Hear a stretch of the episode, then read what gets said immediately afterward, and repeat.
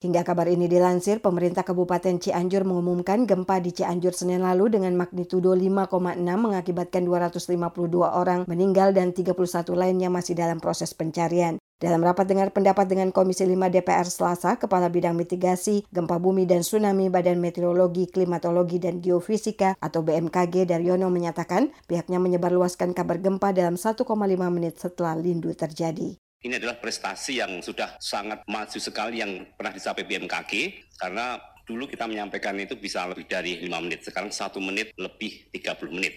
Kemudian kita tahu bahwa gempa ini merusak itu dalam waktu 10 menit, sehingga kita segera menghubungi BNPB dan ini akan perlu ada tindakan gawat darurat. Daryono menambahkan gempa Cianjur termasuk gempa dangkal karena pusat gempa tidak jauh dari permukaan tanah. Pusat gempa bermagnitudo 5,6 itu berada di Desa Sukajaya, Kecamatan Cugenang, Kabupaten Cianjur, Jawa Barat dengan kedalaman 11 km. Menurut Daryono, gempa kerak dangkal tersebut tidak perlu magnitudo yang besar untuk dapat merusak apa yang ada di atas permukaan. Dia menambahkan daya rusak semakin besar karena pusat gempa berada di bawah pemukiman penduduk. Hal itu diperparah dengan kondisi tanah yang lunak sehingga makin memperbesar goncangan. Alhasil korban meninggal dan luka cukup banyak serta banyak bangunan rusak. Berdasarkan analisis mekanisme sumbernya lanjut dari Yono, gempa Cianjur memiliki patahan geser mengiri dan berada di zona sistem sesar Cimandiri. Dalam rapat tersebut, Kepala Badan Nasional Pencarian dan Pertolongan atau BNPP Marsikal Madya TNI Henry Alfiandi menjelaskan, segera setelah mendapat kabar gempa di Cianjur, dirinya menginstruksikan tim BNPP dari Jakarta, Bandung, Cirebon, dan Cilacap segera merapat ke lokasi kejadian. Menurutnya secara keseluruhan termasuk relawan ada 812 orang dari 114 organisasi turun tangan. Jumlah itu belum termasuk personil TNI dan Polri.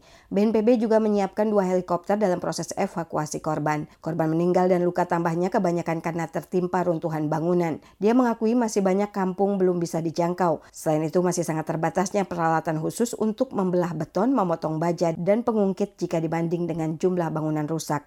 Dia mengatakan BNPB tahun ini memiliki alat yang sangat canggih mampu mengetahui apakah masih ada korban hidup di bawah reruntuhan bangunan. Apabila ada reruntuhan seperti ini, kita langsung bisa scanning masih adakah orang yang selamat. Ini berdasarkan sistem kerjanya adalah gerak.